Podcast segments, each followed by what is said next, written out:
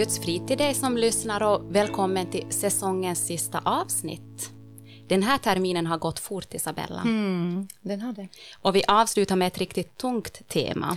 Ja, det gör vi och vi ska återkomma till varför vi valde att, att avsluta just med det här temat som vi ska ha om idag. Om sexuella övergrepp. Mm. Och för att vi nu kanske inte vet så mycket om det här ämnet så har vi valt att bjuda in Sara Mikander. Tack för det. Välkommen. Tack. Du jobbar på Frida-kliniken i Jakobstad. Det gör jag ju. Vi hette för kvinnojouren, men för, för något år sedan så bytte vi namn, så nu heter vi Frida Fri från våld, Väkivalla Stavapaksi. Ja, okej, okay. det kommer därifrån ja. Ja. Mm. ja. Mm. ja. Och så har vi också med två anonyma tjejer som har valt att dela med sig en, en bit av, av deras erfarenhet inom, inom den här problematiken. Mm. Och det är vi jättetacksamma över och jag, jag förstår att, att, att dela med sig av sånt här så är inte alltid så lätt. Så vi är, vi är glada att ni, ni valde att göra det. Mm. Men om vi börjar med Sara. Mm. Vem är Sara? Hur, hur, hur, långt svar vill ni ha? Ja, nu är det nog till, en, en, du, får, du får välja. Sara Mikander alltså heter jag och jag har jobbat på Frida nu i drygt 20 år.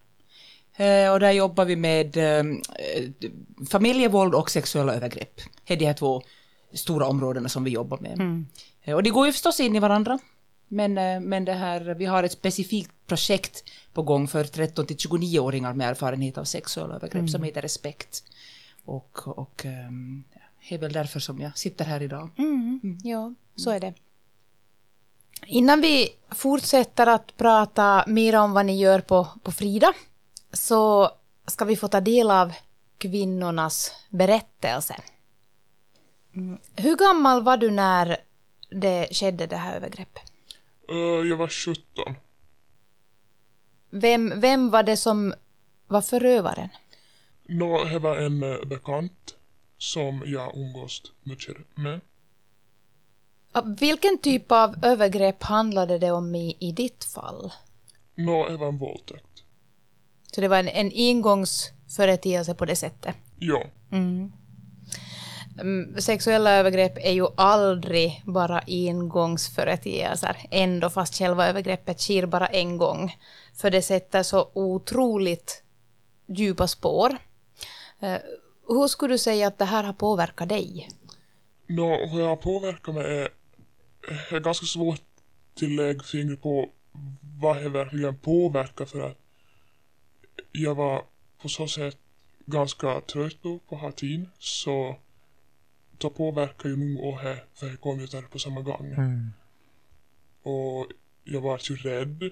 Jag, ännu idag har jag svårt att få in som show till ABC på kvällar och mm. till Prisma och vara som i stan själv är jag som ålder och så det.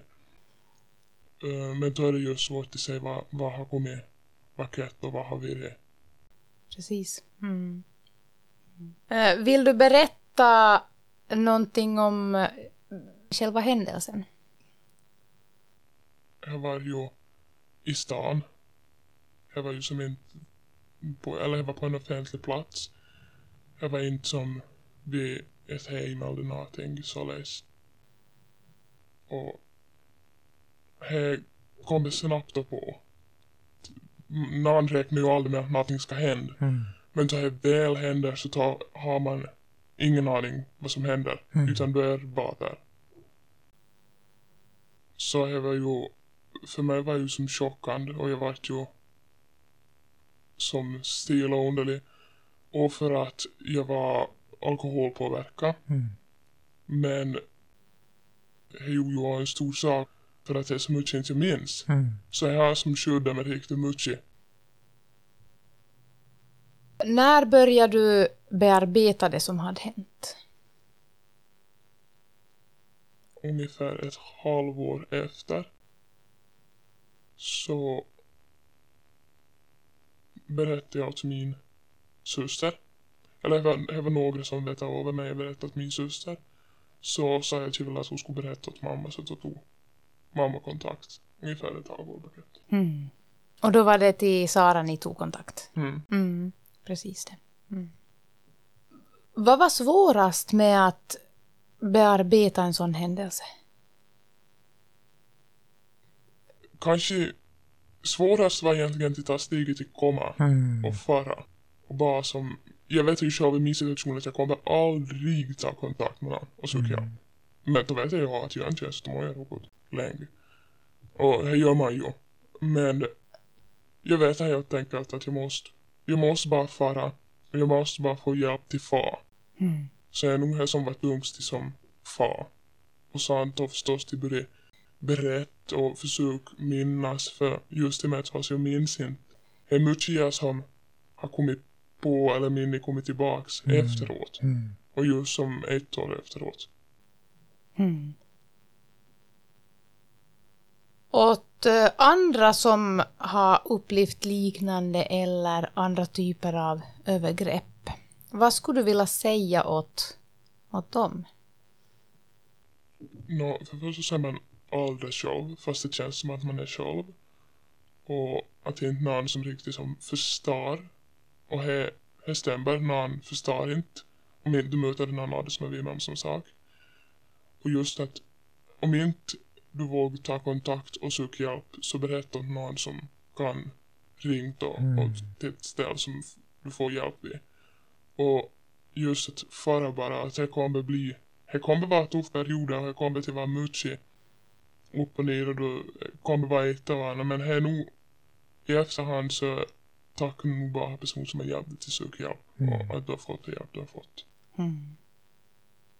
Eh, Att vara i en eh, grupp med andra som har gått igenom liknande saker. Va, hur har du upplevt det?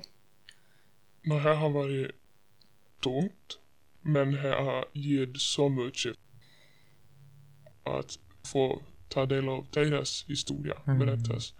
Vad jag vi med om och hur jag gick till där just i hans situation. Så jag tycker nog det är riktigt bra. Eller gör. Eh, Du nämnde ju till först att, att du var bekant med din förövare. Tror du att det är svårare att, att gå vidare med, med läkningsprocessen när, när det är någon bekant som har våldfört sig på en, än om det skulle vara en helt okänd? Jag tror nog att det är svårare eftersom att om det är en bekant så tar du vill inte lägga skuld på ha eller hon. Du har ju som har person nära dig. Så inte vill du som lägga skiten på ha eller hon eller som lägga skuld på hat. Att då just inte det har hänt så då är det nog bara att du själv som är fel på. Tror man.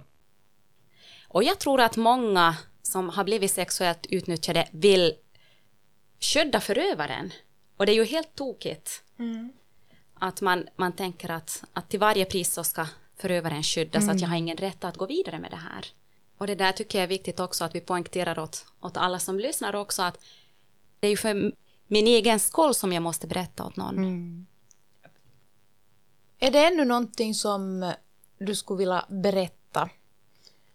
just som Maria nämnde om förövaren så, så i mitt fall så, så tänkte jag bara att jag måste som tänka att det är någon som inte verkligen känner och inte har någon kontakt med och inte vill ha någon kontakt med. Så det är nog just så du måste kanske tänka och försöka vidare med att, att det är bara någon som har gjort del och du måste försöka komma vidare. Tusen tack för att du var med och berättade. Vi ska ännu ta del av, av den andra tjejens berättelse.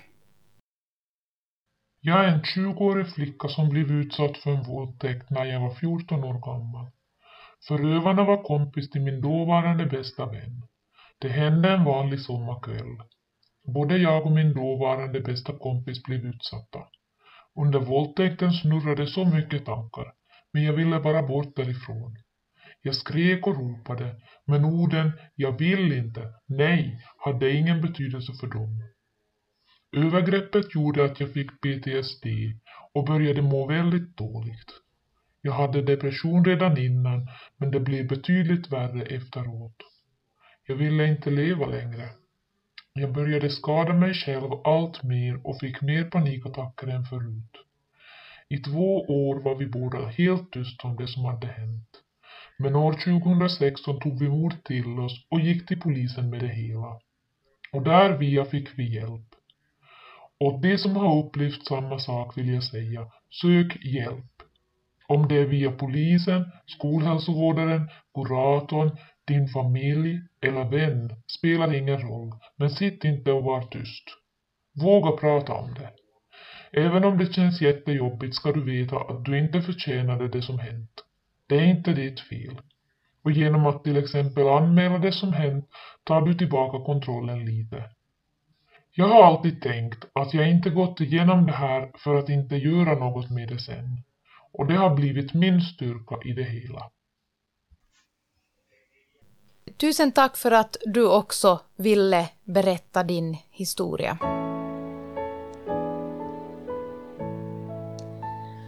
Och med det här så ska vi återgå till Sara.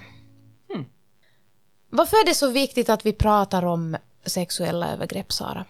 Nå, många orsaker, men dels tänker jag att, att um, det är mycket du kan råka ut för och som vi alla stöter på under, ett, under en livstid. Alltså man, man, man råkar ut för svårigheter, problem, ingen dansar fram genom livet utan att någonsin stöta på någonting. Och hur vi reagerar och mår i det här så eh, är omöjligt att räkna ut på förhand. Vi är olika och, och lägg fem personer och råkar ut för samma svåra händelser så reagerar alla fem olika. Ja, men så är det. Mm. Eh, Men pratar vi om sexuella övergrepp så, så är det är en sån sak som jag tycker att man alltid borde bearbeta. För de ligger, både våldtäkter och andra typer av sexuella övergrepp ligger liksom högst på alla listor av vad som potentiellt kan orsaka illamående hos oss. Så det är ganska få som inte mår dåligt om man har råkat ut för någon typ av sexuella övergrepp. Så, så jag tycker att man, vad det än gäller så borde man alltid diskutera det. Därför att risken är så stor att du mår dåligt och väldigt dåligt eh, om man pantar på det och, och, och bara går omkring med det själv. Sant, så är det ju för att det berör ju någonting som är så, så otroligt djupgående Ja. i oss. Det kommer så människor. nära. Det kommer så otroligt nära. Mm. Och det påverkar ganska mycket. Man tänker att det kan påverka allt från din livssyn till din människosyn till, till, till liksom din förmåga att ha tillit till andra människor överhuvudtaget och du ser på världen. Det kan bli väldigt stort. Stämmer. Jag tänker också att för några år sedan så pratades det ju ganska mycket just i och med det här med, med metoo-rörelsen och allt det här. Men vi ska prata mer om det, för det så det inte tenderar bli en sån här um, modesak som liksom vaknas till liv i samhället och sen försvinner det och så tror alla att nu var det liksom löst. Problem solved. Ja, men det, det, är, det är ju inte så.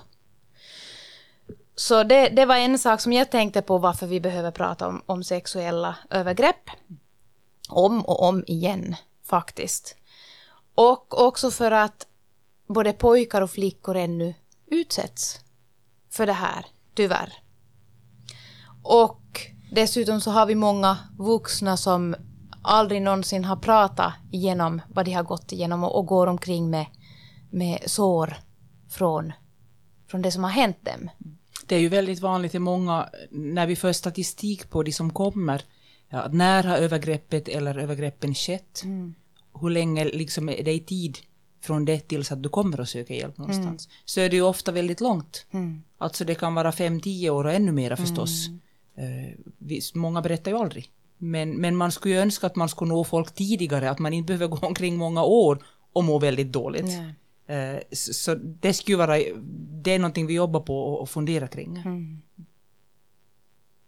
Mm, På tal om statistik. Vet du de senaste siffrorna på hur, hur eh, många som blir utsatta för sexuella övergrepp? Ehm, det beror ju lite på hur man, eh, hur man kollar det här. Jag tror att enligt polisens statistik från i fjol så anmäldes väl runt 4500 sexualbrott av alla typer i fjol. Men det är ju naturligtvis bara toppen av isberget som anmäls. Den allra största delen anmäls ju aldrig. Eh, Men Amnesty-rapport från en par år tillbaka där uppskattade att runt 50 000 den handlar om, om våld mot kvinnor. Eh, där uppskattar man att runt 50 000 kvinnor i Åre i Finland utsätts för, eh, för eh, sexuella övergrepp, bland annat våldtäkt. Och då handlar det om tonåringar och vuxna, då är det inte barn inbegripna där. Så eh, det är ju inga små siffror, det vet vi efter metoo. Och några siffror som jag kom över så var ju att var fjärde eh, flicka och var femte, sjätte pojke skulle, skulle vara någon, någon, någon siffror att utgå från. Men där vet vi ju också som du säger att många kommer ju aldrig ens fram. Så, så det är ju en, en uppskattning som man gör då förstås på, på Där har man ju bra siffror från den här THLs undersökning Hälsa i skolan om, Mm. som ju senaste, som du får tag på är från 2019. Och där om jag inte minns fel, så när vi pratar om högstadie, gymnasie och yrkesskolan så uppger ungefär 10 procent av flickorna att de är utsatt för sexuellt våld Mm. under året. Det är jättemånga. Det är många. Och eh, ska vi säga runt 25 procent av flickorna uppger att de har blivit utsatt för, för sexuella trakasserier via telefon eller nätet det här året. Och då är vi ju ner på, på en fjärdedel. Mm. Något färre av pojkarna, men där Ja. finns det också. Men vad räknas då till sexuellt våld? Eh, Ja, det, det, det är ju att bolla med definitioner. Man, när vi pratar på Frida om sexuella övergrepp så har vi en jättebred definition. Eh, Det kan vara allt från, från liksom fysiska övergrepp till att någon, liksom, allt från våldtäkt till att någon har tagit på dig eller tvingat dig att ta på någon. Eh, Det kan vara icke-fysiska övergrepp som att man har tvingats att titta på någon, och könsdelar eller tvinga någon annan att, att titta på. Det kan vara att man har tvingat någon att titta på, på pornografiskt material, eller det kan vara att man till exempel via nätet har dokumenterat med kamera eller, eller filma eh, då någon rör vid sig själv. Så det kan ju vara både fysiska eller icke-fysiska övergrepp. Det kan också vara verbalt. Att du liksom verbalt trakasserar någon sexuellt. Så det är jätte, och vi är, no, vi är noggranna med att hålla det brett då. Därför Ja. att alla typer kan orsaka jättesvåra symptom och, och illamående. Så, så det är en ganska bred definition nu om man pratar om övergrepp. Så här. Sen, sen kan man ju definiera det på olika sätt förstås. Skulle du säga att sexuella övergrepp är ett trauma? Ehm, ja, trauma är ju... Egentligen kan man inte säga att en händelse är ett trauma. Trauma är det som händer i dig. Och, och det finns någonting, man, man kan prata om potentiellt traumatiserande händelser. Men sen vet man inte om det blir ett trauma i mig eller i dig eller någon. Det beror ju på vår bakgrund, personlighet och allting. Att samma händelse kan bli traumatiskt för någon, men icke traumatiskt för en annan människa. Eh, Men, men sexuella övergrepp är alltid en potentiellt traumatiserande händelse, ja. ja och, och vi försöker ju hålla traumafokus när vi jobbar också, därför att det är väldigt mycket trauma, ja. Skulle du kunna berätta lite om hur ni jobbar? Ja, eh, det här respektprojektet som vi har, så där har vi ett tredelat stöd. Det handlar dels om individuella samtal, dels om stödgrupper och dels om närstående stöd. Så det är alltså ett, eh, tre olika typer av stöd som vi erbjuder. Och man får välja själv vilket som passar. Man kan komma enbart på individuella samtal, man kan komma både på individuella och stödgrupp samtidigt eller först själv och sen komma med en grupp. Eh, Och närstående samtal så handlar det om, det kan vara en förälder, ett syskon, en ny partner, någon som upplever att de, de behöver få hjälp och stöd i hur de ska hantera och hur de ska kunna stödja den här personen som har varit utsatt. Så att de kan antingen komma med klienten själv för att liksom tillsammans diskutera eller så kan de komma på egna, egna samtal. eh, helt själv. Så, så det är tredelat stöd och man, man, eh, det utgår från klienterna vad de själva önskar och har behov av. Grupp är alltid läskigt att komma på först. För vem sitter där då? Eh, sen däremot så är det en stor majoritet som går flera terminer när de väl har börjat med grupp. Okej. Jag har jättepositiva erfarenheter av gruppverksamheter. Om jag riktar mig till dig som, som har delat din berättelse idag. Vilka delar har du deltagit i av det här stödet? Nå, jag har både vi som individuellt och så är vi med i gruppen. Så jag, eller vi, jag är med i gruppen. Och så får jag så vid behov. Eller så det är bara om jag vill tala. Så tar jag kontakt då. Men för största delen bara, nästan bara grupp nu. Finns det någon klient som någon gång har tagit kontakt med er och blivit erbjuden terapi men sen tackat nej. Och du märker att, att personen nog borde ha, ha tackat ja till terapin.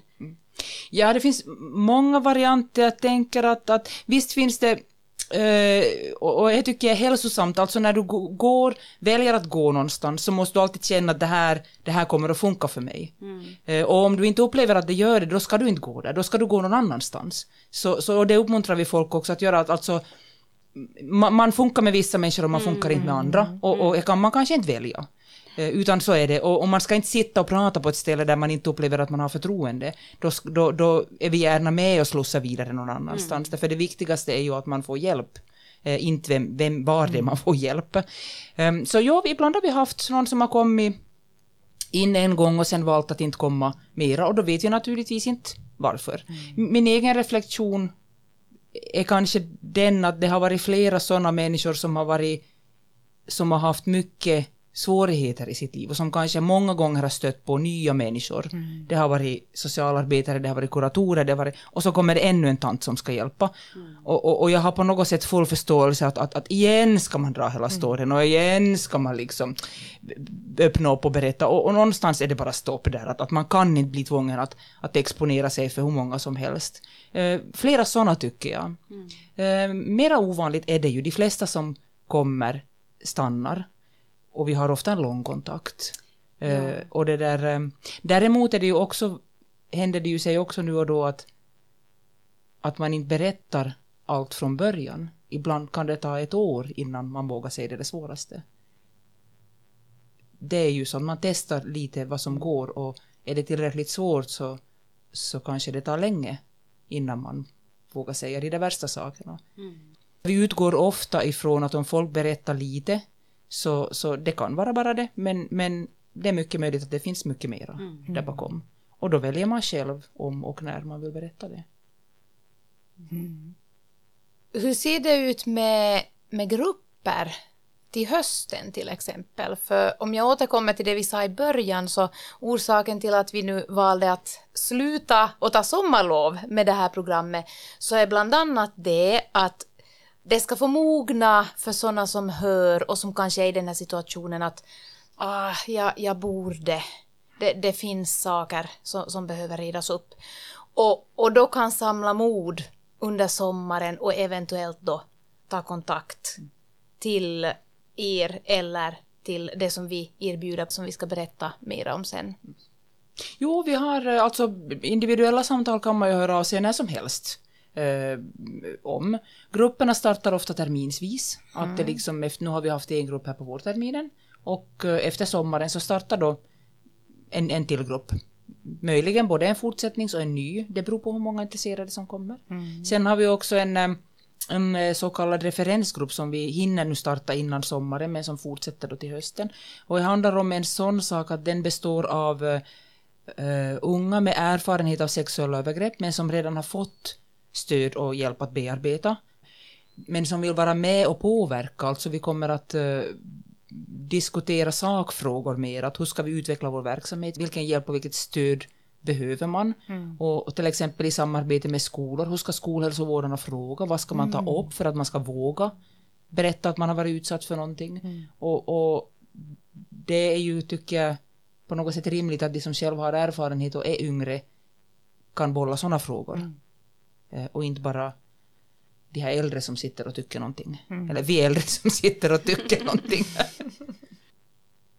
Och det var ju viktigt det där som vi pratade om att ingen sak är för liten mm. för att prata om. För om det är stort för en själv, om det upptar en mycket, en stor del i, i ens hjärta så måste det bearbetas. Mm. Fast kanske någon annan tycker att nej men hallå, att vad är det där att haka upp sig mm. på. Men alla saker ska, ska ha sin tid och sin plats att, att pratas om.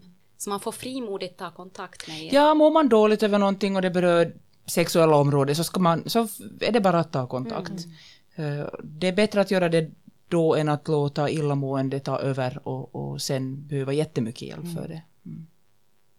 Vad skulle du säga att, att är de vanligaste symptomen Ja, det är svårt. Vi, vi, kan ta en jättelång lista och så kan vi ticka av och de mesta är liksom van, vanliga på det sättet. Men det är klart att om man tänker nu som på, på eh, traumasymptom och, och så, jag menar allt det här vanliga med, med sömn och, och, och ja, koncentrationssvårigheter, självskadebeteende, självmordstankar.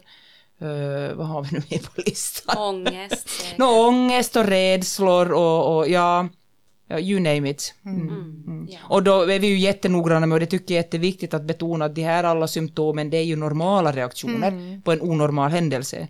Så om man, om man upplever att många tänker att det är något fel på en, eh, det är det ju inte, utan det är ett, ett bevis på att man fungerar som normala människor ska fungera. Mm. Det är det som har hänt som är fel. Att man reagerar, det är normalt och det är förståeligt och, och så fungerar vi allihopa. Vad skulle du säga att var dina eh, främsta symptom? Nå, förstås just att jag fick, jag har fått med efterhand lite problem med mycket folk som social ställe och just att sömn har påverkat riktigt mycket. Det är nog det största som har påverkat mig. Men när man som anhörig funderar hur det går i, i läkningsprocessen, hur ska man gå tillväga? Ska man fråga ofta? Ska man lägga sig i? Jag tänker en viktig sak är att se till att, att, att den som är berörd får hjälp någonstans. Eh, Och ofta är man inte som nära anhörig bästa hjälpen därför att man är så känslomässigt engagerad. Och att, att hjälpa någon samtidigt som man sitter och snyftar och är jätte liksom ledsen själv är kanske inte bästa alternativet. Att hellre då någon utomstående kanske som hjälper. Och, och där tänker jag också att, att eh, man kan ju gärna fråga den det gäller. Att, att hur vill du att vi ska hantera det här? Att, att vad önskar du av oss? Eh, och Det är kanske bästa sättet och jag vet att många, många säger när de kommer att de har valt länge att inte berätta om de här övergreppen just för att de vill inte bli definierade enbart som ett våldtäktsoffer. Eh, Det är en liten del av deras liv och de, de föreställer sig att alla ska se på dem så det här stackars våldtäktsoffret och det enda man pratar om och, och samtalen stannar när man kommer in i rummet och, och man vill liksom vara vanlig, göra vanliga saker, prata om vanliga grejer och leva ett vanligt liv. Men förstås få hjälp att eh, bearbeta det som har hänt. Så, så det kan ju vara knepigt och visst ska man bry sig som anhörig, men, men kolla kanske med den, den det gäller att, att, att vad önskar de? Att bara den får hjälp så kan man kanske lite back off ibland och, och ge dem utrymme och se till att de får sina smörgåsar till frukost och sånt istället för att prata om, om det som har hänt hela tiden. Jag får ofta tänka mig att man ska prata och prata och prata. Det är den goda föräldern. Man ska prata sönder saker för att då, bry, då visar man att man bryr sig. Men ibland kan det rätt vara att ta ett steg tillbaka och prata om allt annat.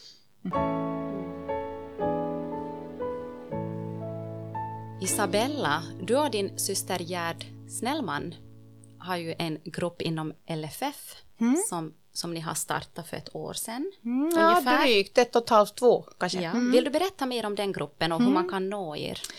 Jo, det kan jag nog gärna göra. Det, det är ju också i, i samband med, eller vi ska säga så här, för, för ett par år sedan så hade vi besök från vår systerförsamling i Amerika, Apostolic Lutheran Church. Och där har de länge redan jobbat mycket kring sexuella övergrepp och, och bearbetning och, och sånt. Och de var här två, två kvinnor och föreläste då om hur de gör. Och eh, i samband med det då så ordnades också eh, under vintern en, en skolning i hur de leder sina grupper då de samlas. Och den skolningen deltog då Gerd och jag och, och någon, någon annan också i. Och det ledde till att vi sen då startade igång en, en sån här grupp och eh, som vi höll på med då under en vinter.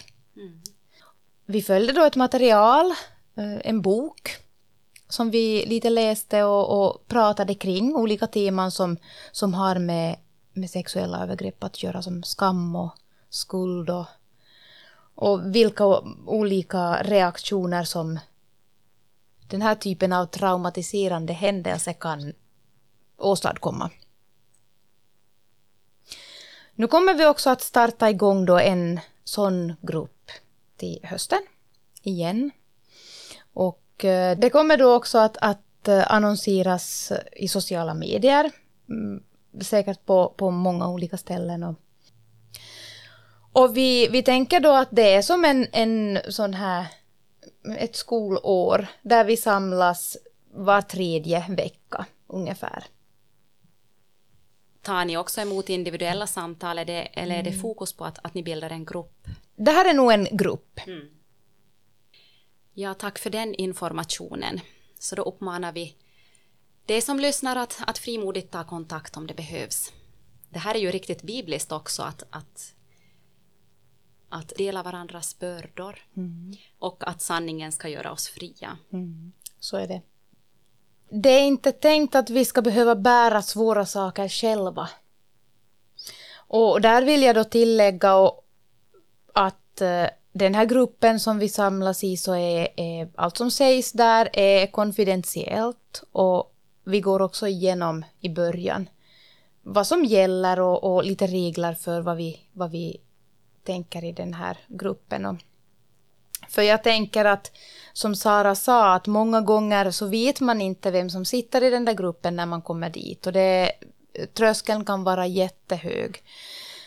Det är inte en lätt process att gå igenom, men jag tänker ändå, och jag, jag skrev ner några saker till dig som lyssnar på det här och, och funderar att ska jag, ska jag inte?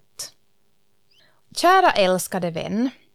Du tror att du är ensam, men det är du inte.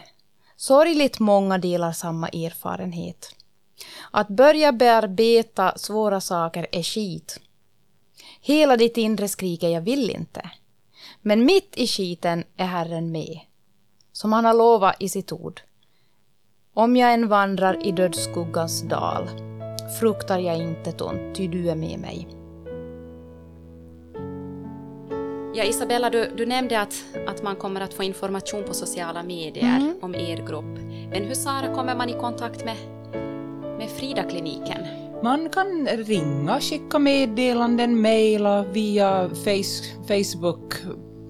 Om man googlar på Frida fri från våld så hittar man oss på både, både Facebook och hemsida och telefonnummer och allting. Det är ingen skillnad vilken väg man tar kontakt. Då får vi tacka för, för att du kom med och, och delade med dig av dina erfarenheter. Tack.